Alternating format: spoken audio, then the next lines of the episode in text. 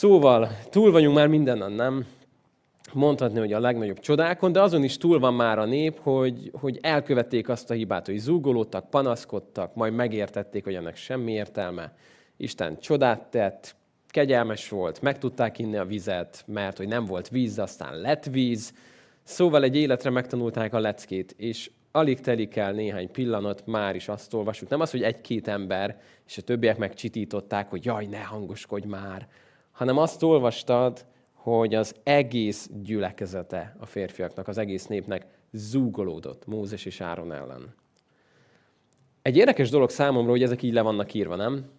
Hogyha te írtad volna össze a csodálatos magyar nép ős történetét, és mi vonulnánk itt egybe, és aztán majd le kellene írni az utódoknak, akkor nem biztos, hogy leírnánk a legkínosabb részeket, nem?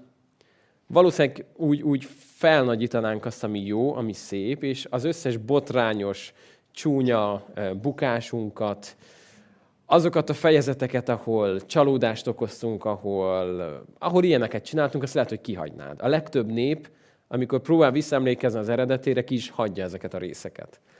Annyira hiteles a Biblia, hogy Mózes ennyire konkrétan leír, hogy ez, ez így történt. De leírta, emlék, emlékszünk a saját harcait és a saját bukásait. Mózes legalább ennyire tisztán leírta, hogy hányszor ment ellen Istenek, hányszor mondta, hogy nem, nem, nem, küldj más, nem vagyok jó rá, stb. stb. stb. Szóval nagyon-nagyon hitelesé teszi az írást, hogy ennyire ez így le van nekünk írva, és nagyon életszerűvé. És itt megint álljunk csak meg egy pillanatra, mert annyira kijózanító ezt egy oldalon látni, nem? A háladó ének, körtánc és a zúgolódás. És mielőtt elítélnénk ezt a népet, hogy milyen egy, egy ügyefogyott nép, hogy ilyeneket csináltak, ilyenkor jó egy kicsit tükörbe nézni, ugye? Amikor Isten betölt, telve vagy örömmel, hálával, halleluja. Egyik konferencia, emlékszek, hogy nagyon nagy hatással volt rám, 13 év körül lehettem, és voltam egy nagy konferencián, az volt életem első nagy konferenciája, és volt mellettem egy férfi, aki nagyon látványosan mindent beladva dicsérte az urat. Nekem akkor az nagyon, nagyon furcsa is volt, meg új volt, és, és nagyon élte az egészet. Majd, hogy vége lett az első alkalomnak, kapott egy telefonhívást. Nem tudom, hogy miről szólt a telefon, de úgy látszott, hogy valami rossz hírt kapott. Olyan cifra káromkodásba tört ki mellettem ez az ember, hogy én néztem, hogy hű a testvér. Mondom, ez, úgy látszik, hogy, hogy benned minden erős. Az öröm is, meg most a, a minden más is. De annyira nagy volt a kontraszt a kettő között, hogy először azon gondolkodtam, hogy vajon nem volt őszinte a dicsőítése, vagy, vagy most mi történt. Aztán eltelt felettünk néhány év, nem? Aztán mi is szembesülünk azokkal a pillanatokkal, amikor az Istenre nézünk, örülünk, fantasztikus minden, majd hirtelen elveszítjük a kontrollt, jön egy rossz hír, történik valami, férfiakról beszélve megéhezünk, és összeborul minden. De csak, hogy ne nagyon csak az úszövetségi példákat lássuk. Ott van Péter. Elkezd járni a vizen. Egy olyan halászember, aki egész életében naponta egy jó néhányszor átélte, hogy amikor a lábam a vízhez ér, akkor elmerül. Rálép a vízre, és az mint a beton tartja, majd lép egyet-kettőt, és a következő pillanatban, amikor nem Jézusra néz, elkezd süllyedni. És mondhatnánk, hogy Péter, már megtetted a legnehezebb lépéseket, az első lépést, a másodikat, egymás mellé raktad a lábad, nem? Most már megint elkezdesz süllyedni.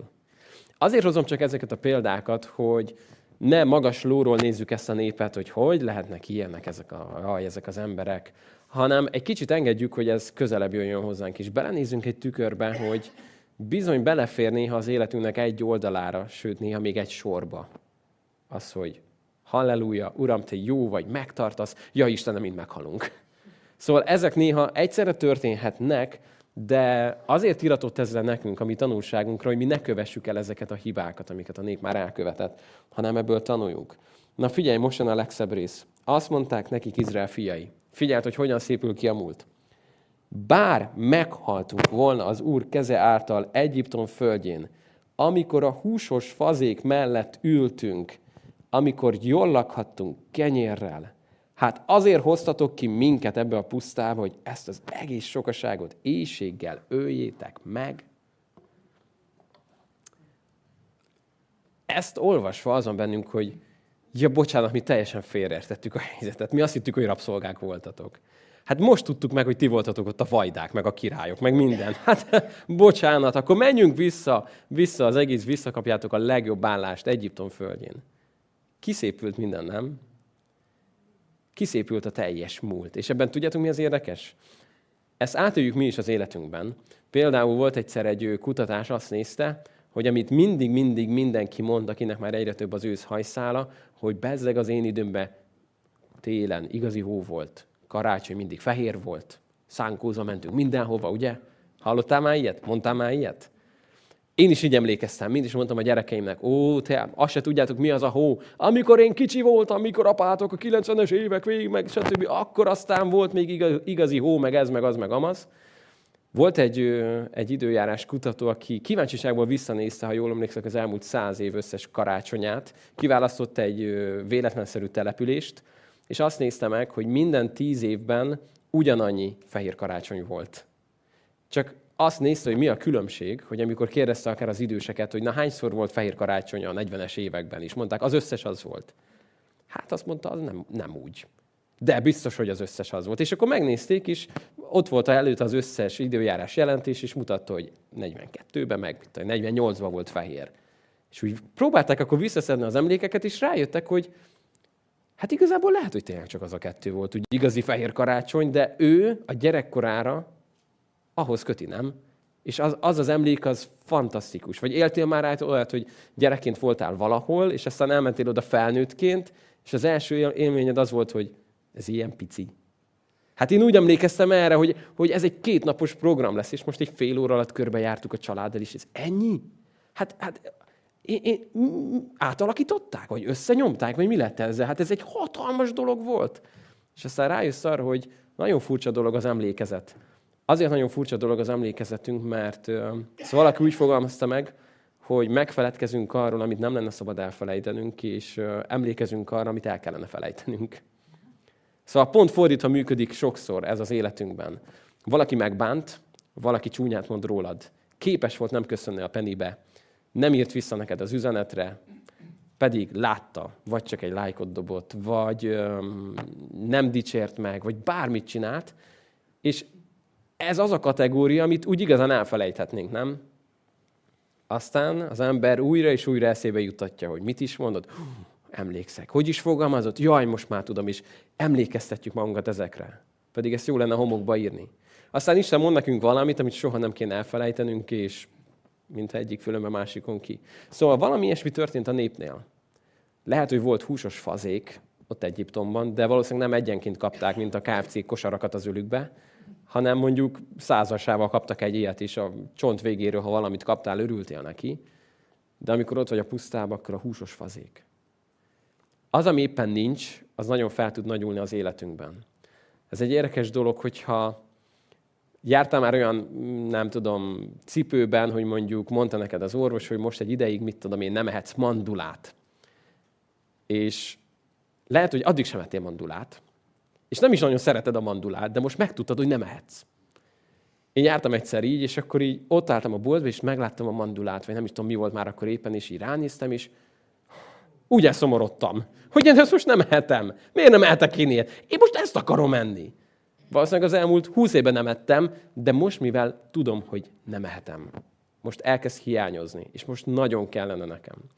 És valami ilyesmi van az életünkben, amikor annyi mindenünk van az Istentől, annyi mindent megad nekünk, és mondjuk van egy terület, ahol éppen most hiány van, vagy van egy terület, ahol probléma van akkor hajlamosak vagyunk megvakulni mindarra a rengeteg jóra, ami van, és azt nézzük, ami nincs. Jártál már így valaha életedben?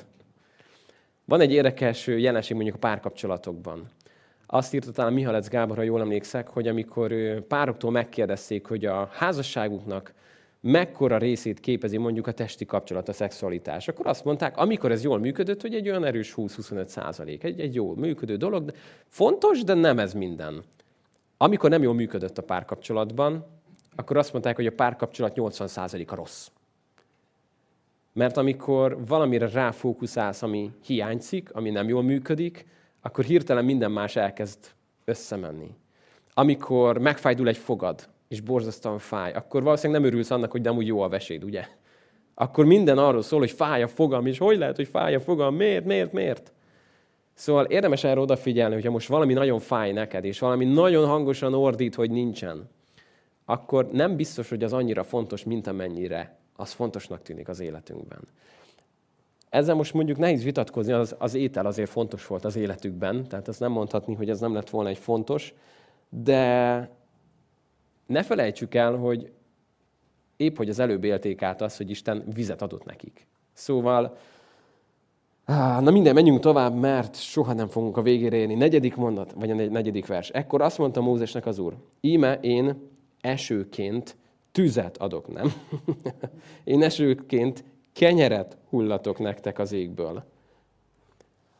Nem tudom, hogy a Isten helyébe lettél volna. Én itt már lehet, hogy kicsit hajlottam volna a tűzesőre. Mennyivel kegyelmesebb az Isten, mint mi, nem? Mármint a többiekhez, mert magunkhoz nagyon kegyelmesek tudunk lenni. De amikor ezt végignézted volna, ezt az egészet, hogy az egész minden, amit végig csináltál eddig a, a néppel, végigvitted őket sasszárnyakon, tűzoszlop, felhő, vörös tenger, víz, stb. És így épp, hogy csak egy kicsit hátradőlnél, hogy gyönyörködj a népben, és hogy így ránagyítasz, megint azt hallod, mi meghalunk, menjünk vissza, minek hoztál ide minket? És így, ha itt lett volna néhány gomb, amit nyomkodhattam volna, lehet, hogy ez a Sodoma Gomora gombra mentem volna még egyszer, hogy hát ezt, ezt engedjük el, menjen a tűzeső.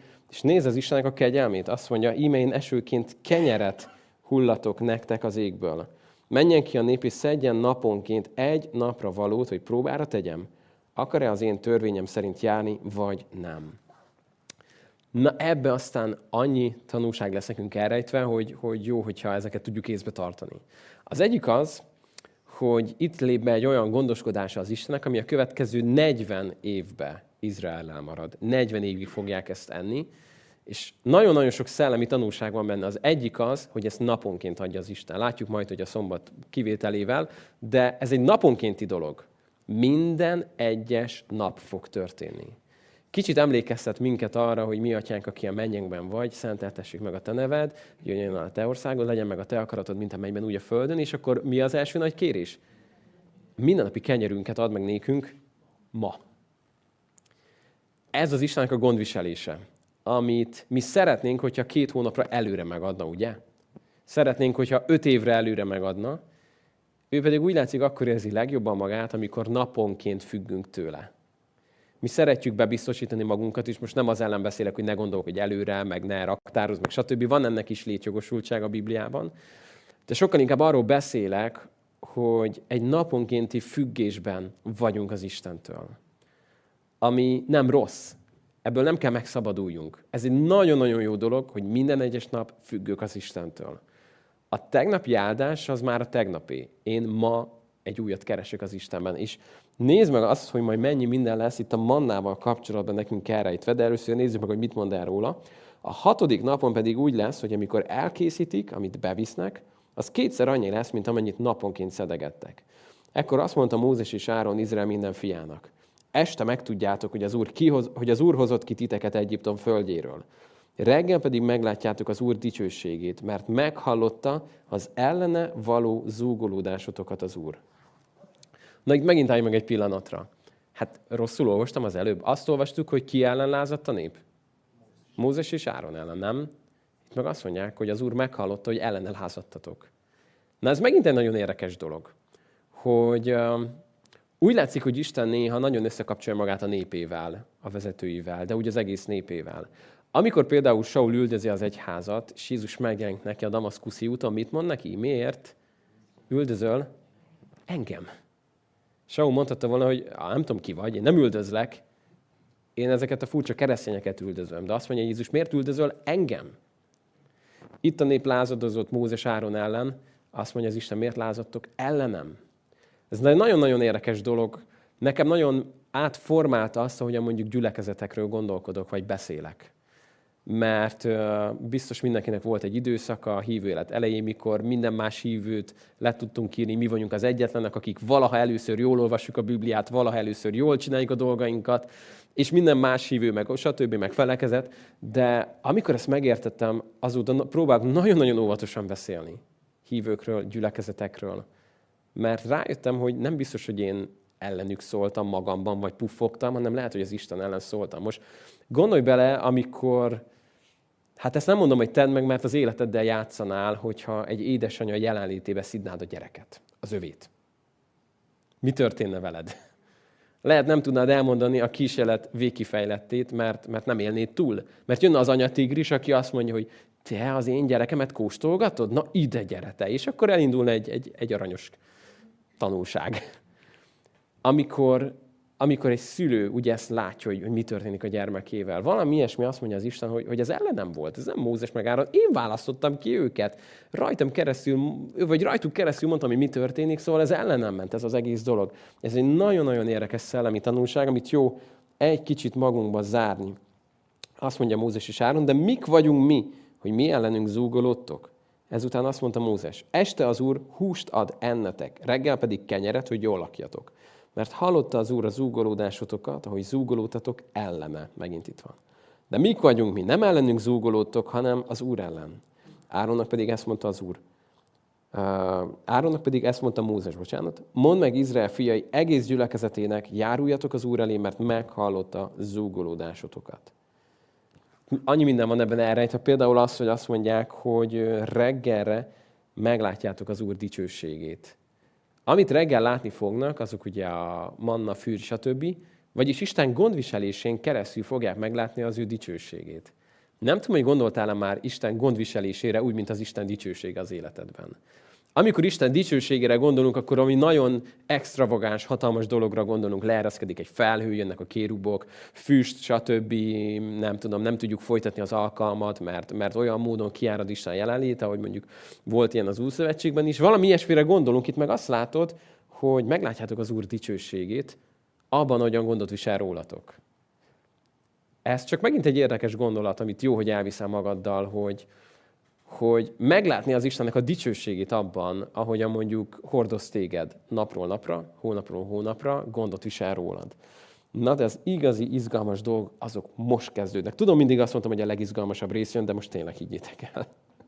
Amikor Áron Izrael fiainak egész gyülekezetéhez beszélt, és a puszta felé fordultak, íme, az Úr dicsősége megjelent a felhőben. Itt ez is nyilván megint egy erőteljes része, a megjelent a felhőben, is nézd, így szólt az Úr Mózeshez, hallottam Izrael fiainak zúgolódását, így szólj nekik. Este húst esztek, reggel pedig kenyérrel laktok jól, és megtudjátok, hogy én vagyok az Úrat Istenetek. Azért ez nem lehetett semmi, ugye? Amikor ennyire látványosan, vizuálisan láttad az Istennek a dicsőségét a felhőben is, egészen elképesztő lehetett. És nézd, most jön a lényeg, és este fűrjek jöttek föl, és ellepték a tábort, reggel pedig harmadhullás lett a tábor körül. Na ez itt mi?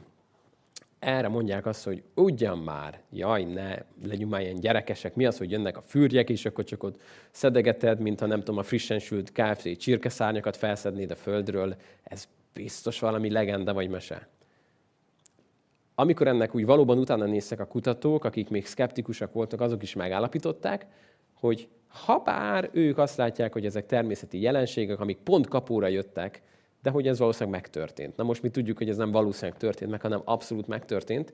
És egy érdekes dolog, hogy ahol most Izrael népe sátorozik, és éppen van, az egy olyan útvonal, ahol Palesztina, Észak és inkább Közép-Afrika között a fűrjek egy vándorló életet élnek. Lemennek, felmennek, lemennek, felmennek. Ugye ismerjük ezt, gólya, stb. Na most az az érdekes, hogy ezek a fűrjek, ezek a kis apró madarak, ezek leginkább a szélnek az erejével szoktak menni, és borzasztó nagy távolságokat tesznek meg egyszerre. És nem annyira jól mérik fel az erejüket, ezért gyakran megfigyelték azt, hogy a vándorlásuk során néha annyira elfáradnak már, de még a szél viszi őket, hogy a föld felett pár centivel, pár méterrel viszi őket. A szél, vitorláznak, de ilyen élő halott kismadárként, és egyiptomi hieroglifák örökítették meg azt, hogy egyiptomi gyerekek kint játszanak, ilyen kis hálókkal szedik őket össze. Tehát ahogy mi, nem tudom, régen emlékszek, gyerekkorunkban kimentünk tollasütővel, és akkor vártuk a májusi cserebogarakat, és akkor a játék volt, nem, és mindig számoltuk, hogy ki lesz aznap a bajnok. Ezek ugyanezt csinálták, csak kicsit nagyobb volt a cserebogár, mert fűrj volt, és nem egy tollasütővel, hanem hálóval szedték össze, és akkor vitték őket megsütni. Azt is megfigyelték, hogy amikor viszont teljesen elfáradnak, és túlbecsülték az erejüket, akkor az is megtörtént, hogy így ilyen félholtan kiterülnek a földön, és napokig csak így elvannak, és így erőt gyűjtenek.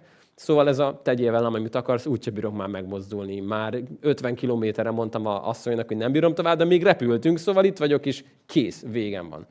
Szóval valami ilyesmi történhetett, amit ők itt átéltek, hogy ellepte a tábort egy ilyen fürgy áradat, ami, ami nem 40 éven keresztül történik, hanem ez most történt meg, meg majd a négy Mózesbe fogjuk ezt még olvasni egyszer.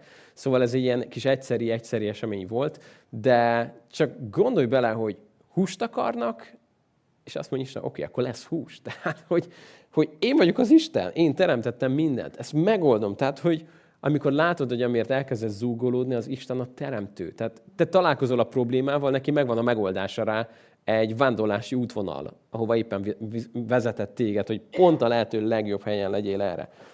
Ez már maga nagyon érdekes, viszont menjünk egy kicsit tovább, mert a, a, nekünk a nagyobb tanulságok azok igazából most kezdődnek. 14. vers. Mikor pedig harmadhullás megszűnt, ima a puszta színén apró gömbök voltak a földön, olyan aprók, mint a dara. Amint Izrael fiai meglátták, ezt kérdezgették egymástól, mi ez? Mert nem tudták, hogy mi az. Mózes pedig azt mondta nekik, ez az a kenyér, melyet az Úr adott nektek eledelül. Oké, okay, eljutunk a mannához. A mannával kapcsolatban mai napig vitatkoznak, hogy mit jelent, de talán a legvalószínűbb jelentés az az, hogy ez mi ez.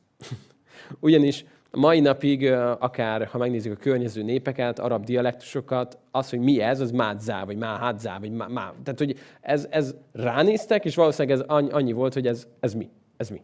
Mi akar ez itt lenni? És lehet, hogy így ragadt rá ez a név. Van még néhány másik elmélet is, ami különböző egyiptomi süteményhez vagy fához köti ezt az egészet, de talán ez a legvalószínűbb, hogy ránéztek, hogy ez mégis mi. Ilyet még mi nem láttunk. És mi ez az egész? Uh, igen, ez az a kenyér. Az úr parancsolata pedig ez, 16. vers. Szedjen abból mindenki, amennyit meg tud enni, fejenként egy ómert. Ha nem tud mennyi az ómer, akkor a utolsó mondatunk a 16. fejezetben, az ómer pedig az éfa tized része.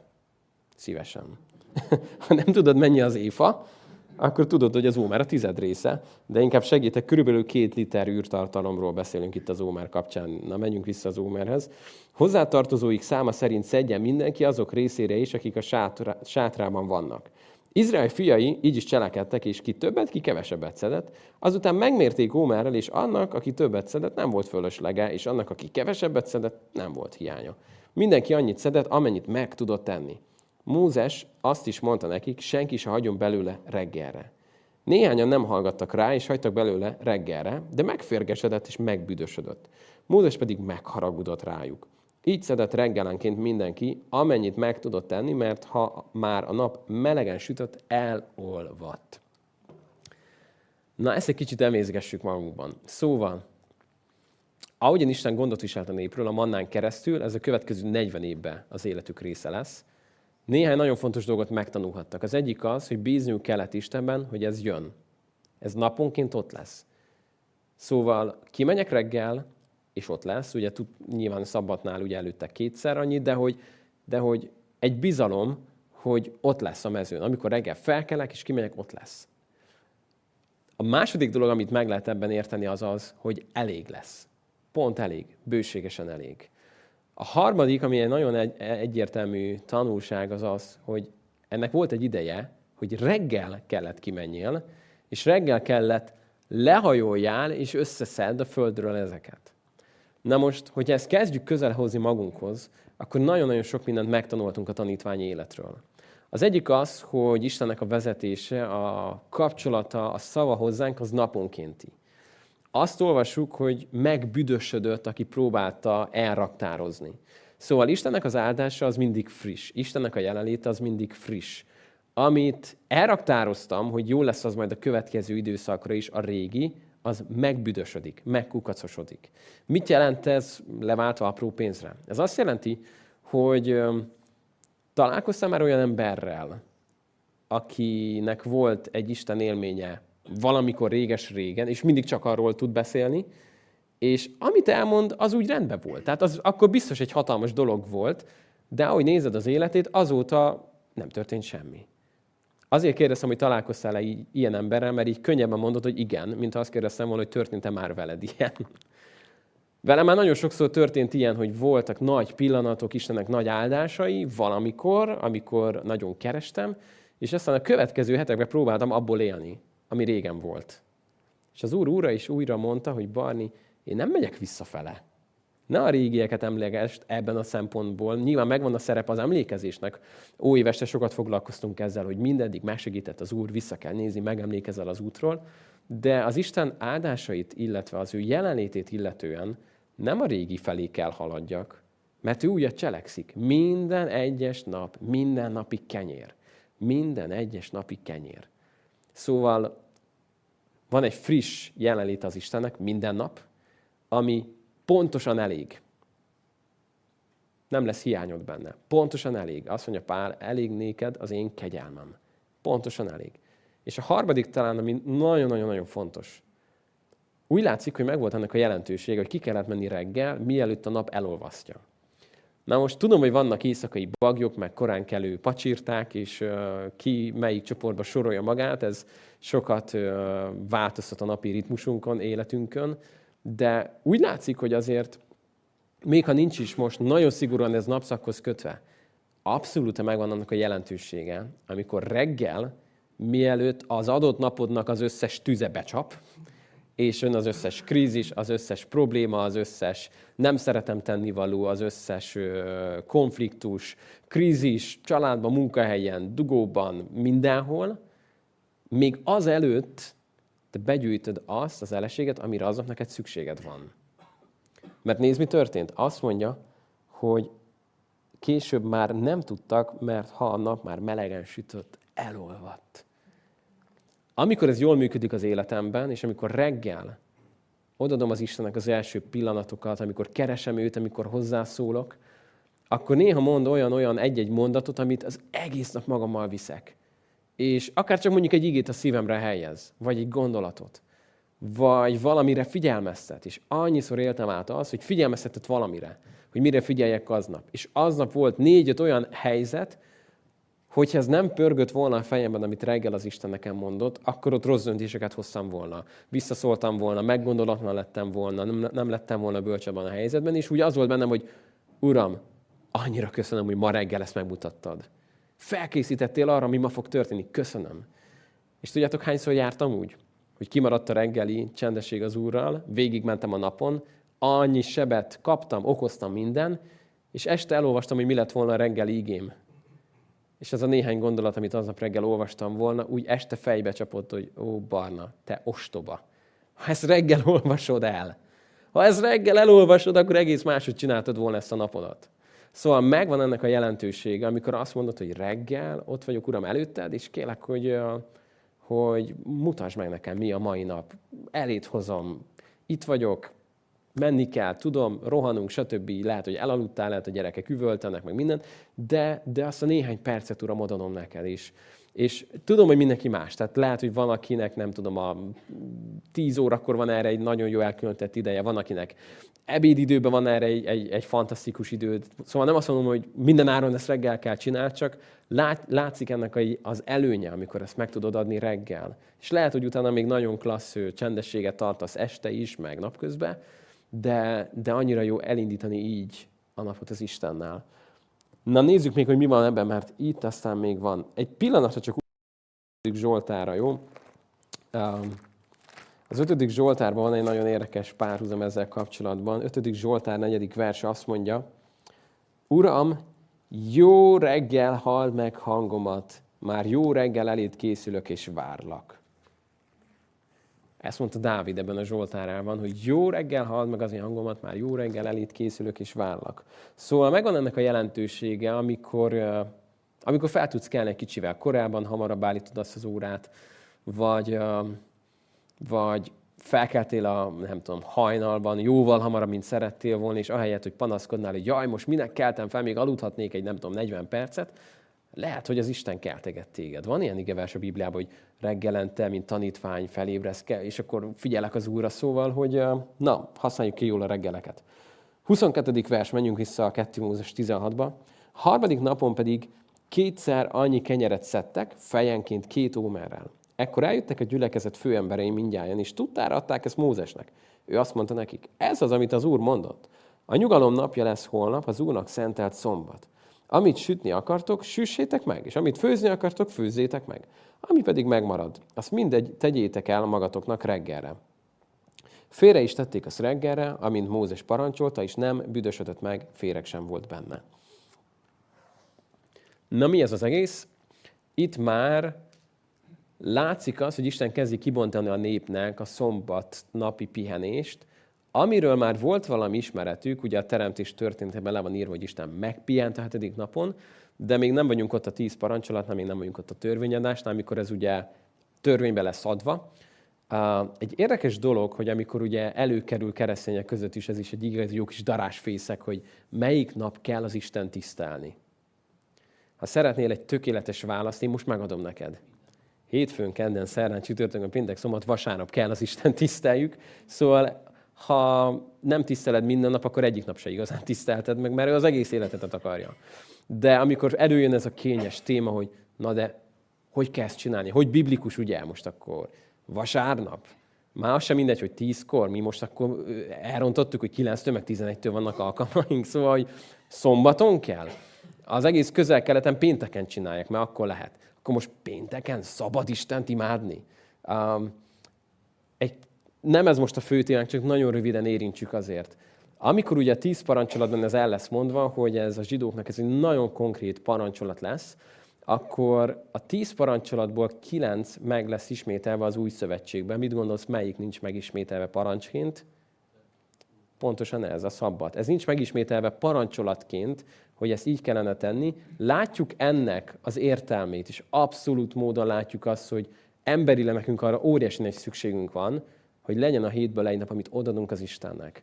Hogyha valaki kérdezi, hogy mi ezt most miért vasárnap gyakoroljuk ezt a mondjuk nagy klasszikus Isten tiszteleti módon, ha megnézed az abcselben, akkor azt fogod látni, most csak egy-két helyre odaugrunk, mondjuk az abcsel 20-hoz, hogyha odaugrunk, hogy ne csak én, nekem higgyetek, abcsel 20-ban van, ha jól emlékszem az elején.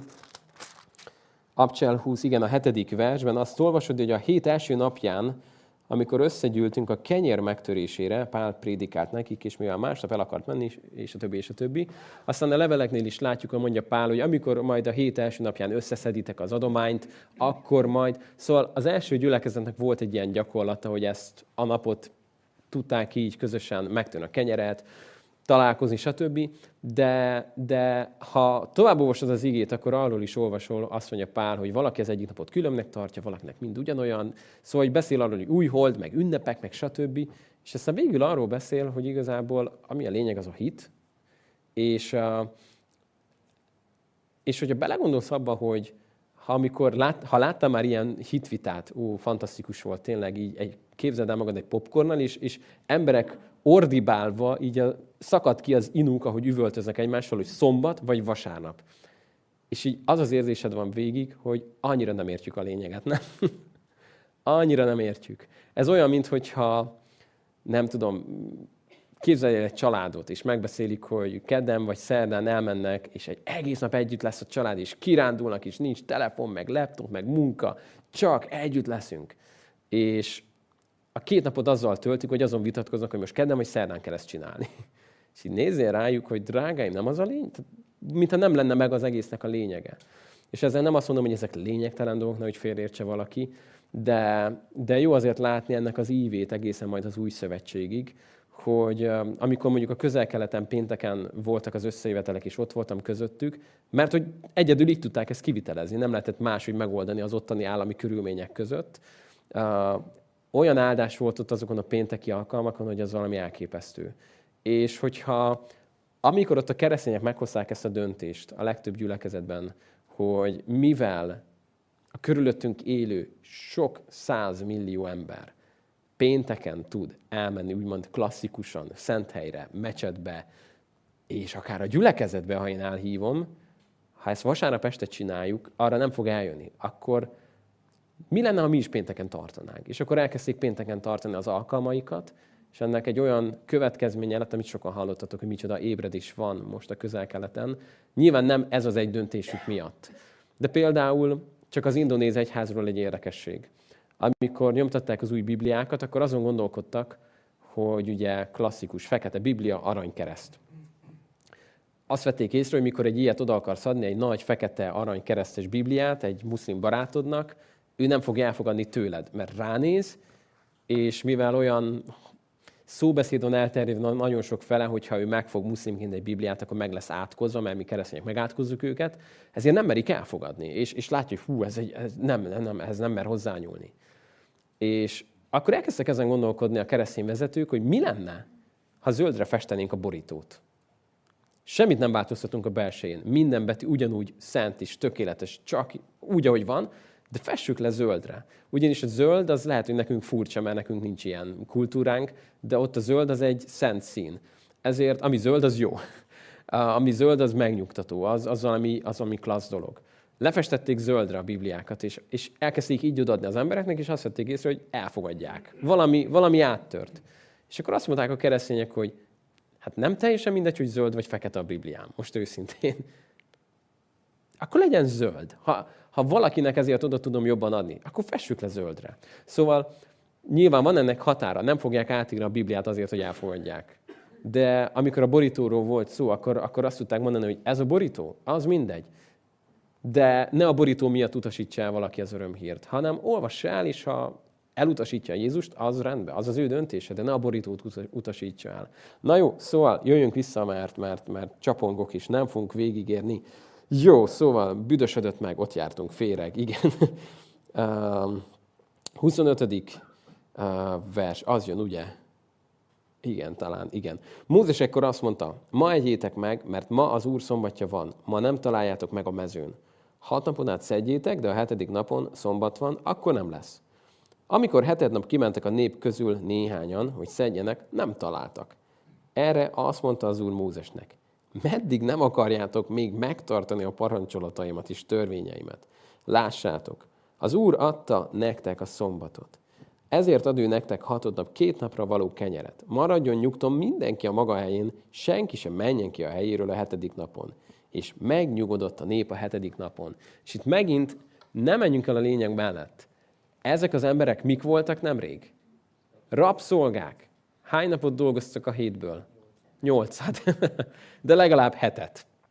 Szóval ő nekik ez most nem az, hogy jaj, és akkor most parancsba van adva, hogy most nyugalomnap van, jaj, elegem van, mert én moziba akarok menni. Tehát nekik ez azt jelentette, hogy létezik, hogy az Isten, aki elhívott minket, jól értjük, hogy azt parancsolja nekünk, hogy nyugodj le, és ne csinálj semmit. Találkoztál már valaha olyan édesanyával, feleséggel, konyhatündérrel, aki, mint a mérgezett egér, fel alá ment, jobbra-balra, épp, hogy hazajött a munkából, már négy sütemény, de még megy, és mikor már mindenki mondja, hogy ülj már le, még egy gyorsan elmosogatom, meg akkor még ezt, meg akkor még azt, és mikor így megszólalt a család, hogy ülj már le, csak ülj le. És így látod, hogy leül, és így a két lába mozog, a két keze, és így látod, hogy még nem ül. Tehát a szemem már három fele megy, és nézi, hogy ott még a pókádot le kéne szedni, és um, a mosás is be kell rakni, mert nem lesz meg holnapra a fehér ruha.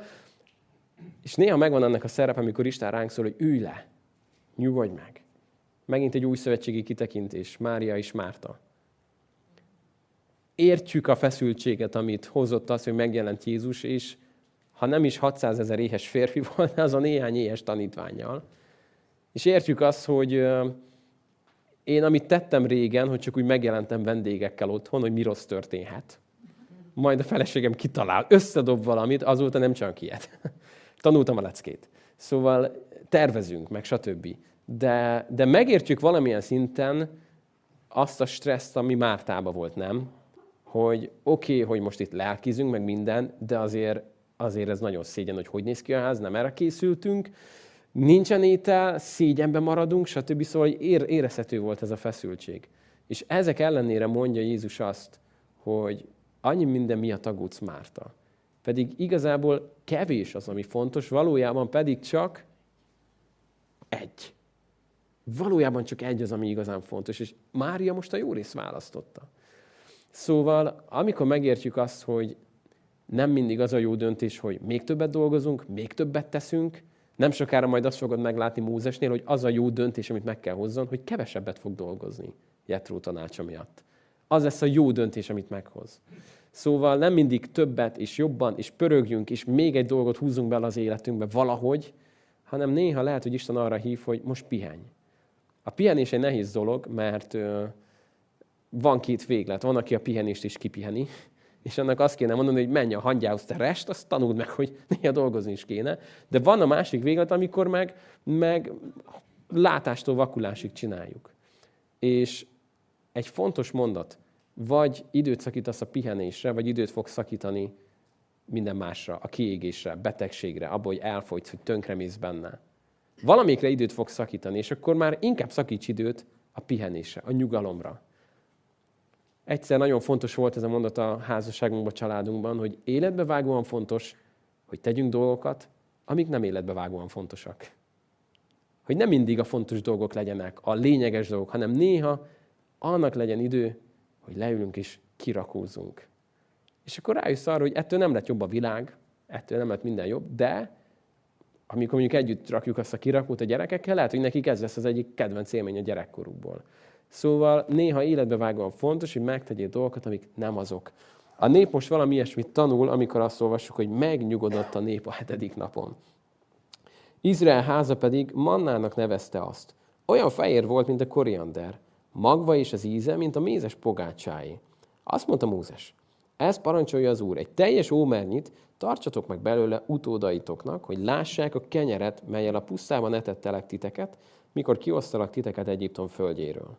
Áronnak pedig azt mondta Mózes, védj egy edényt, és tegyél bele egy teljes ómer mannát, és tedd azt az Úr elé, hogy megmaradjon az utódaitoknak. El is tette azt Áron a bizonyságtétel ládája elé, hogy megmaradjon, ahogy az Úr parancsolta Mózesnek. Nyilván ez egy kis előre tekintés, itt még nincs meg ez a bizonyságtétel ládája, de ha itt hagyjuk egy kicsit az újunkat, és elugrunk mondjuk a zsidókhoz írt levél 9. fejezetéig, akkor a zsidó 9.4-ben ezt olvasod, ebben volt az arany füstölő oltár és a szövetség ládája, minden oldalán aranyal beborítva, benne az aranykorsó a mannával és áron kihajtott vesszeje, meg a szövetség táblái. Szóval, hogy ez egy nagyon fontos uh, rész volt, hogy legyen ez elrakva az utókornak, hogy lássák ők is, hogy mi ez. Uh, kérdezhetnénk, hogy hol van ez most, Hát erre sokféle verziót lehet mondani, talán az egyik leghíresebb az, hogy Indiana Jones megtalálta, ugye? és a folytatást azt inkább engedjük el, mondjuk azt, hogy inkább ő erre majd, amikor előkerül ez, nem is olyan sokára, ezt majd akkor jobban ki fogjuk vesézni. Uh, 35. vers. Izrael fiai pedig 40 esztendőn át ették a mannát, amíg lakott földre nem jutottak. Mannát ettek mindaddig, amíg el nem érkeztek Kánán földjének határához. Az ómer pedig az éfa tized része. Na most itt megint csak egy pillanatra ugorjunk a Józsué könyvéhez. Józsué 5. fejezetében fogjuk azt megtalálni egészen pontosan. Józsué 5, igen, Józsué 5.12-ben azt olvassuk, Józsué 5.12, a következő naptól, hogy ettek a föld terméséből, megszűnt a manna, és nem volt többé mannája Izrael fiainak, hanem Kánán földjének gyümölcséből ettek abban az esztendőben. Ez megint egy nagyon-nagyon érdekes szellemi tanulság, hogy a csodák azok szükségszerűek, például itt a mannánál, és ahogy megszűnt ez a szükség, ettek a földnek a terméséből, megszűnt a manna. Szóval, amikor otthon ülök a kanapén, és azon gondolkodok, hogy milyen menő lenne, ha most Isten csodát tenne, és a távirányító a kezemben repülne akkor valószínűleg ez a csoda nem szükségszerű. Amikor, én nem tudom, hogy létezhet olyan körülmény, hogy erre a csodára szükség lenne, de ha erre a csodára szükség lenne, akkor Isten meg tudja tenni. De valószínűleg csak azért, hogy kiszolgálja a kényelmünket, a lustaságunkat, valószínűleg, amikor reggel azon gondolkodol, hogy milyen jó lenne, hogyha a kávéfőző magától bekapcsolna, kávé beleugrana és szépen lefolyna, ez így nem nagyon szokott megtörténni. És nem azért, mert Isten nem lenne képes rá, hanem azért, mert ez az életünknek a része, hogy reggel felkelsz, megcsinálod. Vagy a kilenc éves fiadat megtanított kávét főzni, és képzeljétek el, most abban Bani főz nekünk reggelente is néha kávét, és annyira élvezi, fantasztikus. Mi meg annyira élvezzük. Az egyik legjobb befektetés volt ez, hogy ő ezt megtanulta. De amikor szükség van valamire, akkor Isten megteszi a csodát. De néha arra van szükség, hogy te felállj és menjél. És lehet, hogy amikor Izrael népe elkezdte majd művelni a földet, néhányan azt mondták a kapálás végén, itt nem tudom hány holt föld után, hogy nem is volt olyan rossz az a manna, nem? Ahogy kiszépült ugye Egyiptom, hogy milyen jó volt a húsos fazék, el tudom képzelni azt, hogy majd Józsué könyvébe kiszépült nekik az, hogy nem volt olyan rossz azért azt a mannát. Reggelente kimész, felveszed most, jaj, milyen hosszú még ez a sor, és mikor lesz ebből majd termés, mennyit kell még ezen dolgozni. Tehát néha megvan annak a szerepe, hogy mikor van az, hogy kimész a mannáért, és ott van, és mikor van az, amikor azt mondja Isten, hogy na, fiam, akkor földművelés. Menjél, vesd el, arast. És akkor megértik a vetésaratásnak a törvényszerűségét, hogy ahhoz, hogy néha lebít valahol, ahhoz el kell ülni, öltözni kell, rengeteg-rengeteg munkát bele kell tenned. Hát ez a fejezetünknek a vége, és itt a vége felé egy kicsit azért hozzuk össze, hogy, hogy mennyi minden volt ebbe benne, és talán mik azok, amik, amik nekünk tanulságként ott lehetnek. Az egyik az, hogy érdemes odafigyelni az életünkben arra, hogy amikor Isten valamit cselekszik, és megtelünk hálával, örömmel, fú, minden szép és jó, akkor ne engedjük, hogy a következő másodpercben minden a feje forduljon. Hanem attól még, hogy a körülményekkel ez megtörténik, attól legyen ott benned az, hogy emlékszünk a vörös tengeres átkelésnél arra a mondatra, hogy amit látunk, az gyakran elhomályosítja azt, amit tudunk. Szóval ne engedd azt, hogy amit éppen látsz, az elhomályosítja azt, amit tudsz az Istenből. Szóval képzeld el, hogy mennyire, mennyire máshogy nézett volna ki ez a fejezet, ha úgy indul, hogy gyalogolnak az emberek, ugyanaz a 600 ezer férfi plusz ugye gyerekek, nők, szóval két-három millió ember, mennek, és az van, hogy azon társalognak, és ez jut Mózes és Áron fülébe, hogy fogadásokat tesznek, hogy vajon hogy fog rólunk az Isten gondot viselni, mert nyilvánvaló, hogy mindent megettünk, már semmink nem maradt, de mivel megismertük az ő jóságát, az ő gondviselését, és megértettük a vizes leckéből a, a lényeget, többé nem úgyhogy annyira várjuk azt, hogy fog az Isten csinálni. Mert tudjuk, hogy valamit tenni fog, tudjuk, hogy amikor eljön az ideje, megteszi, mekkora csoda lesz. Képzeld el, hogy mennyire máshogy nézett volna ez a fejezet, hogy azt, azt olvasnád, hogy az Úr pedig azt mondja, Isten megtörölte a könnyező szemét, hát ez most jó esett, végre bíztok bennem, ez az, ez volt a lényeg, a szívetek végre a helyére kerül, és jönnek a fűrjek, és minden szuper, és minden klassz.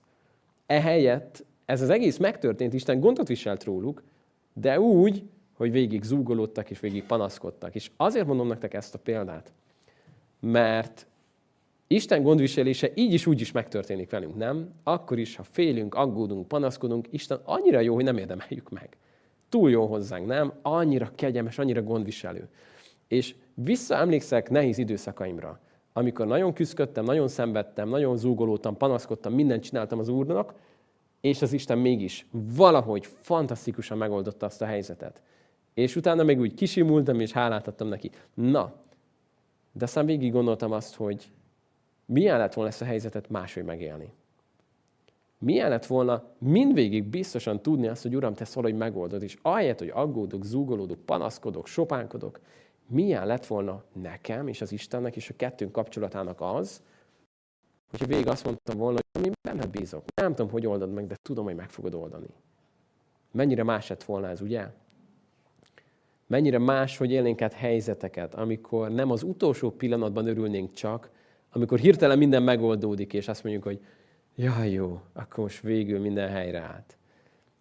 Egy egyszerű példa. Volt, hogy Eliottal elmentünk boltba, és nem is tudom, ott hagytuk a cumit. És bementünk az egyik boltba, és, és nagyon-nagyon-nagyon ki volt akadva, akkor nagyon cumis volt, és mondta, hogy neki kell a cumi, mondtam, hogy semmi baj, apa megígéri, meg lesz a cumi, és üvöltözött a boltba, csak a cumi, csak a cumi, mindig mondtam, hogy nyugi, nyugi, nyugi, meg lesz. Bementünk az első boltba, gyorsan oda mentünk, nincsen cumi, jó, mentünk a következőbe, ott se volt. Hát az a két bolt, az, az nekem felért nem tudom hány év öregedéssel. És akkor így tudod, üvölt, a fejedhez vágja, hogy utállak, apa, miért nem adsz nekem cumit, stb. stb. stb. És az utolsó boltba ott volt a cumi, megvettem. Nyilván még a legrosszabb kanosszajárás eljutna a kasszáig, úgy, hogy kifizes, és utána kinyitod és odadod neki. És emlékszek arra, hogy odaadtam neki, letörölt a sok könnyet, mosolygott, köszi apa, szeretlek. És így, tudod, te egy ilyen idegroncs vagy már addigra, köszi, örülök, hogy most szeretsz, minden jó. De az a nem tudom, 40 perc, amit ott átéltünk, az benne mély nyomot hagyott, hogy most halljátok. Majd egyszer beszélgetek egy lelki gondozóval erről. De hogy, de mennyire más lett volna, nyilván nem vártam el ott akkor a két éves fiamtól, hogy azt mondja, apa, annyira hiányzik a cumi, majd belepusztulok. De tudom, hogy megtartod a szavad, és mindjárt adsz nekem egyet. Szóval ezt nem vártam el tőle.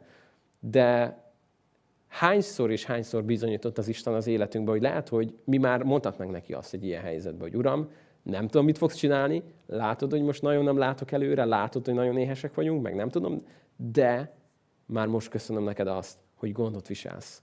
Már most köszönöm azt, hogy látom a te dicsőséget. Akár reggel abban a felhőben, ami megjelent, de akár a gondviselésedben látom a te dicsőségedet, ahogyan gondot viselsz rólam. Aztán tovább nézve ezt a történetet, annyi minden van itt, fürjek, Isten jósága, az, ahogyan felhasználja a természeti jelenségeket, hogy pont jókor Pont jó helyen fáradtak el azok a madarak. Pont jó helyen adták fel a repülést. És a mannának a tanulságai, ami, ami ott van minden reggel, de fel kellett keljél, ki kellett menni, és volt egy érdekes dolog, le kellett értük hajolni. Tehát nem itt lebegtek, nem tudom, 150-170 centi magasba, csak így mentél, és ham, ham, hanem ha kimentél a mannáért, akkor az úgy nézett, kimentél, ugye, lehajoltál, összeszedted őket, vitted. És hogyha berakod a reggeleidbe ezt az egyszerű mozdulatot, hogy mikor először reggel felállsz, akkor letérdelsz. Oda mész az Istenhez, ez egy, ez egy nagyon-nagyon hasznos dolog.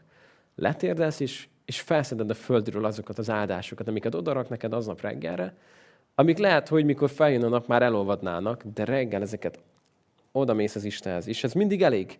És az a hat fejezem be, hogyha most már nem kell visszaugorjunk a kettő Mózeshez, hanem elugrunk a János hathoz akkor értjük meg igazából, hogy a mannának mi a lényege. Ugyanis emlékeztek, hogy nagyon sokat beszéltünk arról, hogy a teljes írás, az egész Ószövetség egy óriási nagy nyíl, ami előre mutat nekünk Jézusra, és vannak ennek nagyon egyértelmű részei, de vannak egy kicsit rejtettebb részei is. Hadd olvasom fel most a János 6-ból a 32. verstől, János 6 32-től. Erre Jézus azt mondta nekik, Bizony, bizony mondom nektek, nem Mózes adta nektek a mennyei kenyeret, hanem az én atyám adja majd nektek az igazi mennyei kenyeret, mert az az Isten kenyere, mely a mennyből száll alá, és életet ad a világnak. Akkor azt mondták neki, Uram, ad nekünk mindenkor ezt a kenyeret. Jézus pedig ezt válaszolta. Én vagyok az élet kenyere. Aki hozzám jön, nem éhezik meg soha, és aki hisz bennem, nem szomjazik meg soha. De megmondtam nektek, hogy noha láttatok, engem mégsem hisztek. Mindenki, akit nekem ad az atya, hozzám jön, és aki hozzám jön, azt semmiképpen nem taszítom el. Mert azért szálltam le a mennyből, hogy ne a magam akaratát cselekedjem, hanem annak akaratát, aki elküldött engem. Az pedig annak akarata, aki elküldött engem, hogy abból, amit nekem adott, semmit el ne veszítsek, hanem feltámasztam azt az utolsó napon. Az pedig az én atyámnak akarata, hogy aki látja a fiút és hisz benne, örök élete legyen és hogy feltámasztam az utolsó napon. A zsidók zúgolódtak ellene, mert ezt mondták. Mert, mert hogy ő azt mondta, én vagyok az a kenyér, mely a mennyből szállt alá. És azt mondták, nem de Jézus ez, József fia, akinek ismerjük az apját és anyját. Hogyan mondhatja akkor, hogy a mennyből szállt alá? Jézus ekkor így válaszolt. Ne zúgolódjatok egymás között. Senki sem jöhet én hozzám, ha az atya, aki elküldött engem, nem vonzza őt. Én pedig feltámasztom majd az utolsó napon. Megvan írva a profétáknál, és mindjárt Istentől tanítottak lesznek.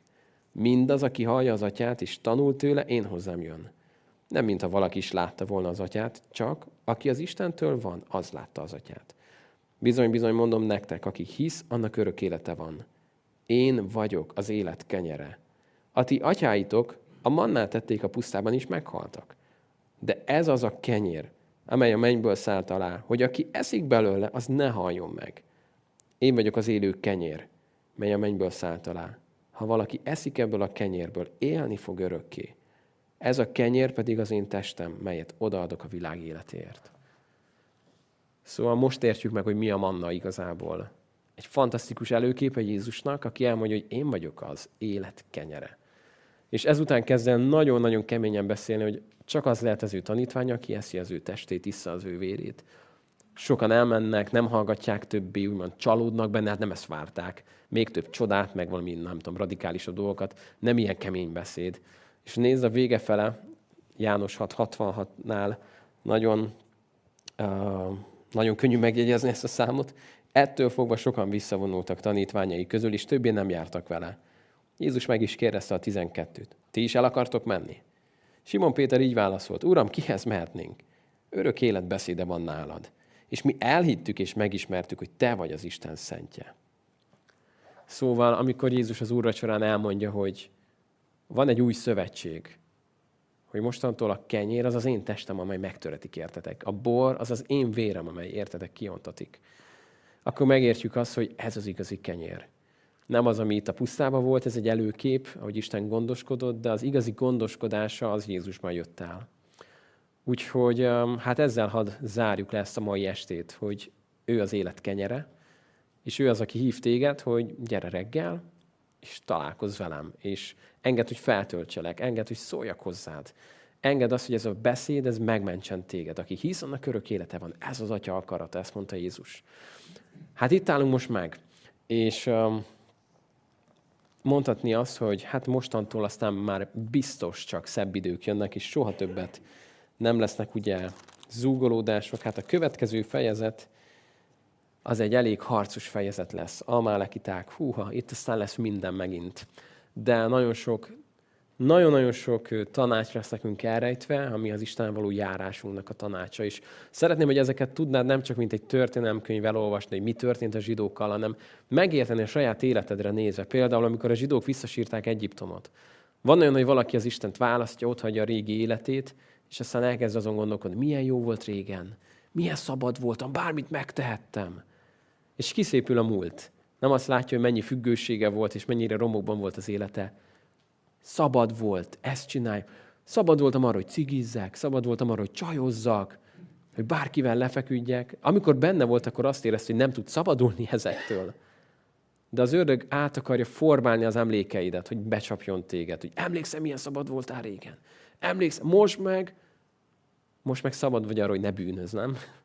Szóval ne engedd, hogy a múltat átírja az emlékeidben, hanem döntsd el azt, hogy mire akarsz emlékezni Istennek az ígéreteire, a többit megengedd el és felejtsd el. Na gyertek, köszönjük ezt meg az Úrnak. Isten, nagyon-nagyon köszönjük neked ezt a mai fejezetet, és köszönjük, hogy annyi minden van elrejtve. Köszönöm, hogy a te igéd annyira élő és ható, és, és mi is ezt tudjuk mondani, Jézus, hogy, hogy kihez mehetnénk, az örök életbeszéde van nálad. Köszönöm, hogy te vagy az élet kenyere, te vagy az, amik a mennyből szállt alá, azért, hogy megmentsen minket. És köszönöm, hogy te az életedet adtad értünk.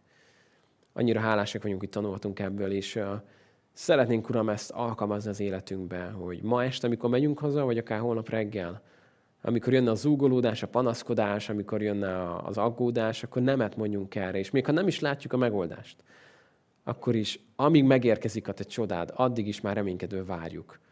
És köszönöm azt, hogy reggel ott lesz a manna előkészítve, köszönöm, hogy kimehetünk, és köszönöm, hogy te gondot is ezt rólunk minden egyes nap. Amen.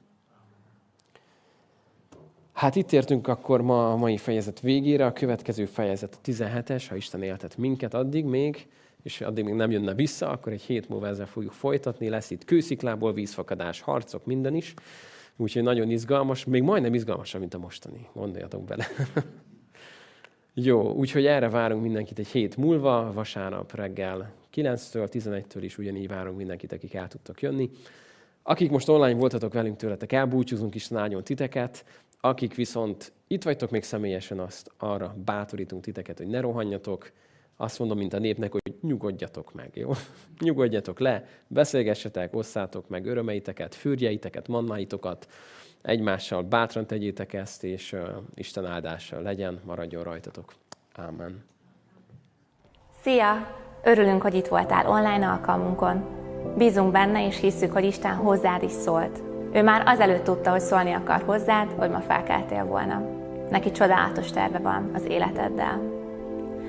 Ha éppen problémáid vannak, vagy nehézségekben vagy, uh, ugyanakkor lehet, hogy épp az ellenkezőjét éled meg, és Isten csodálatos dolgokat tesz az életedben, szeretnénk rólad hallani, akár a nehézségekről, akár az örömeidről, vele együtt örülni, vagy éppen imádkozni érted. Ír nekünk erre az e-mail címre, amit itt látsz a képernyőn, és vissza fogunk neked jelezni.